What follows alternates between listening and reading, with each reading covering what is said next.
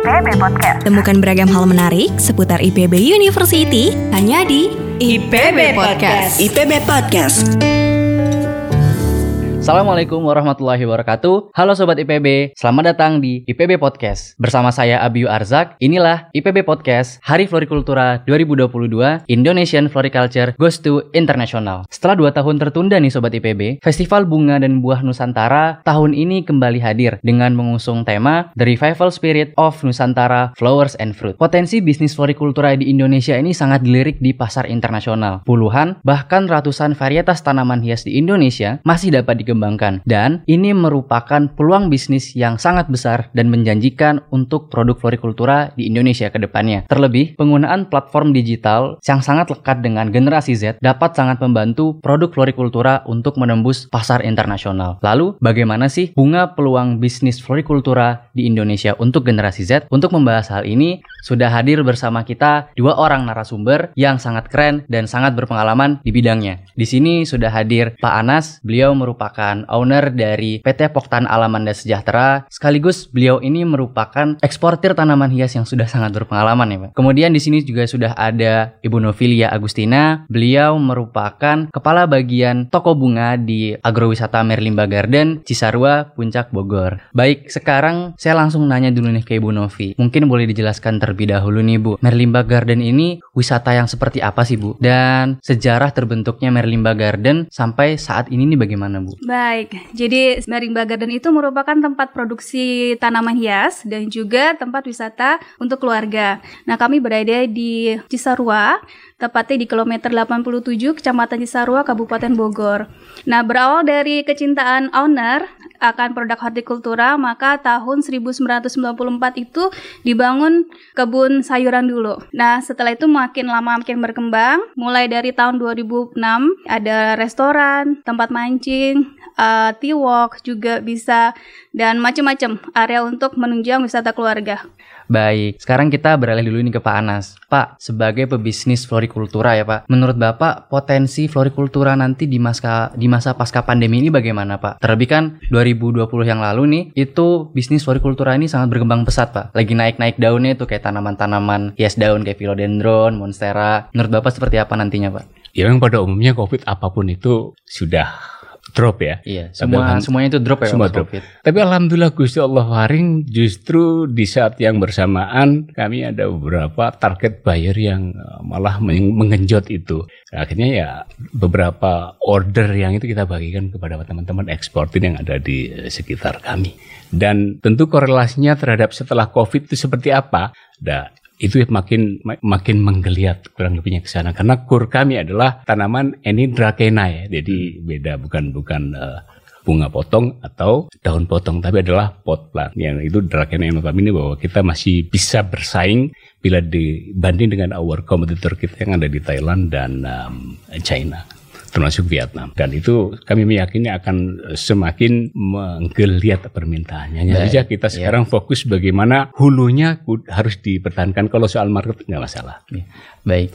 Oke, sekarang saya mau nanya lagi ke Bu Novi ini Bu. Kira-kira apa nih Bu perbedaan yang dirasakan di Merlimba Garden sendiri? Perbedaannya, jadi uh, oke, okay, jadi dari Merlimba Garden kan ada dua produk, yeah. ada pot plant dan ada bunga potong. Untuk bunga potongnya itu drop, karena tidak ada dekorasi pernikahan, kegiatan di perkantoran juga libur, tapi dibantu dengan pot plan-nya yang alhamdulillah itu tetap penjualannya tetap bagus, bahkan itu benar-benar di luar ekspektasi kami. Karena ke produksi tutup, toko bunga jalan permintaannya banyak, harga otomatis naik ya. Iya. Karena itu permintaannya banyak, sementara produksi Turun. sempat stop. Hmm. Produksi stop, itu harga naik dan itu sempat kan ada di mana-mana semua jenis tanaman harga naik semua. Iya, naik semua. Ya. Bahkan tanaman-tanaman yang kayak apa? sirih gading itu ya, bahkan sampai naik ya, Mbak. Semua, semua jenis. Semua jenis kaktus-kaktus sukulen uh, itu juga semua naik karena kalau kita beli lagi, kita produksi lagi, itu harga segini aja kita udah bisa jual tinggi. Mm-hmm. Itu semua. Dan itu waktu masih pandemi karena kan orang cari hobi di rumah ya, mm-hmm. cari kesibukan di rumah. Nah, kalau sekarang udah normal lagi, harganya juga sudah mulai standar lagi dan bahkan ya yang baru-baru ini malah jadi cenderung turun. Iya. Iya, karena setelah lebaran itu fokus ke sekolah, Idul Adha gitu. Sekarang harganya untuk pot plant agak turun. Nah Bu, Sobat IPB ini pasti penasaran Bu. Tadi kan Bu Novi udah menyebutkan kalau di Merlimba ini yang dijual ini adalah bunga potong dan pot plant. Ya. Nah di Merlimba ini jenis apa saja sih Bu yang dijual? Jenisnya, kalau Hmm. untuk bunga potongnya ada lili, hortensia, kala lili, dan daun potong, macam-macam. Anturing bunga juga ada. Kalau untuk pot plantnya eh, macam-macam kaktus, sukulen, peperomia, philodendron, anturium seperti itu, macam-macam. Dan eh, untuk marketingnya penjualannya kita bagi dua. Kalau untuk bunga potong kami tempatkan di Jakarta. Kalau melting bar garden yang di puncak itu khusus untuk ke pot plant. Iya, baik. Kemudian saya mau bertanya kepada Pak Anas lagi nih. Apa sih Pak kendala yang Bapak rasakan selama dari 2000 nih, tahun 2000 kan berdirinya sampai sekarang bisnisnya ini ada kendala apa aja nih Pak? Kalau memang kendala satu, kalau dihubungkan dengan buyer, bayar dulu ya, itu harus diamankan sistem pembayarannya. Ya. Kalau kami menerapkan kepada buyers, kalau non LC, kalau tanaman kan untuk sementara belum berani LC karena kontinuitasnya belum bisa eh, terjaga. Paling satu kontainer 4, 3 atau 4, eh, satu bulan 3 atau 4 grup kita saja. Tapi kalau Sukabumi, kalau dijumlahkan mungkin ada 35 kontainer kali 40 feet teman-teman Sukabumi, termasuk belum termasuk eh, yang jurusan pesawat. Kaitan dengan untuk eh, kendala kepada bagaimana membina, me- bukan men-sharing kepada beberapa kelompok tadi tentunya pola pikir berbeda itu berbeda. Itu terjadi dari Sabang sampai Merauke pasti juga ada kendala. Maka yang jelas kita yakini sambil berseleksi alam, ya tentu kita seleksi seleksi alam ya siapa yang tepat untuk bisa bergabung di tem- eh, dengan kita ya tentu akan berjalan. Kendala tentunya secara spesifik nggak bisa ditentukan juga ya. Iya, iya. Yang jelas pasti ada kendala. Jadi tugas kita adalah menseleksi buyer tentang sistem pembayarannya dan ada teman kita yang bagaimana menseleksi tentang apa itu kualitas dan continuity. Maka kami sekarang itu fokus bagaimana memperluas untuk eh, hulunya dulu. Jadi lahan pertanian pertanian harus diperluas. Baik Pak, tadi kan kita udah bicara tentang potensi, potensi bagaimana florikultura ke depannya. Strategi untuk florikultura di Indonesia ini seperti apa Pak? Kan kita sama-sama tahu kalau florikultura ini harganya itu kondisi pasar sangat fluktuatif gitu. Fluktuatif. Kadang bisa melonjak tinggi, kadang bisa ambles gitu, rungkat ya harganya. Gimana Pak Nas dulu? Kalau kita lihat bahwa potensi tanah air kita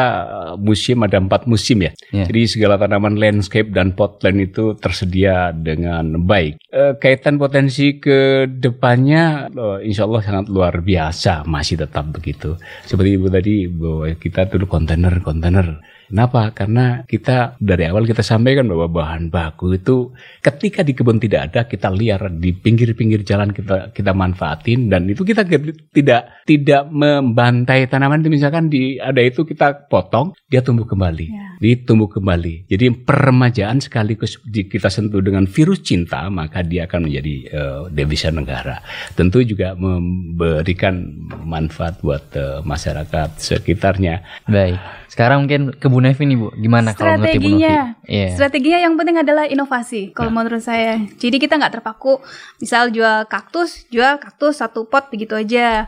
Tapi kita coba rangkai. Jadi kita inovasi nggak cuma jual tanaman yang biasa-biasa saja, tapi kami kemas dengan cara yang lain. Berarti tanaman ini dikasih nilai tambah gitu ya, Ada Bu? nilai tambahnya. tambahnya. Baik. Nih Pak, Pak Anas Bu Novi kita udah berbincang cukup panjang nih dari awal. Apa sih Pak yang pengen disampaikan buat sobat IPB yang pengen mulai bisnis florikultura? Oke, untuk sobat IPB, jangan takut untuk memulai bisnis tanaman hias.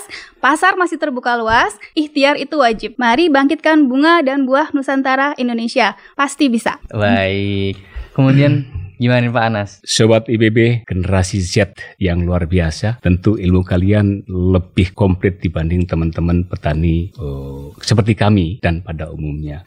Maka manfaatkan ilmu dengan baik hanya saja perlu diketahui bahwa sesungguhnya rahasia untuk sukses itu tidak ada. Semua hanyalah hasil dari persiapan, kerja keras dan belajar dari kegagalan. Jadi ketika kita mulai satu usaha maka kita harus persiapkan bagaimana menghadapi kegagalan. Berpikir think the best, prepare the worst. Baik, makasih Pak Anas, Sama-sama. Bu Novi. Eh, mungkin ini adalah penghujung ya di podcast kita kali ini. Semoga bisa menambah wawasan dan insight teman-teman sobat IPB eh, tentang florikultura Indonesia dan caranya untuk ber eh, berbisnis ke luar negeri atau ke internasional. Demikianlah podcast Hari Florikultura 2022 kita pada hari ini. Saya Abiu Arzak pamit undur diri. Jangan lupa stay tune di rangkaian acara Festival Bunga dan Buah Nusantara 2022. FBBN 2022, bangkitkan bunga dan buah Nusantara. Assalamualaikum warahmatullahi wabarakatuh. Ragam hal menarik seputar IPB University Hanya di IPB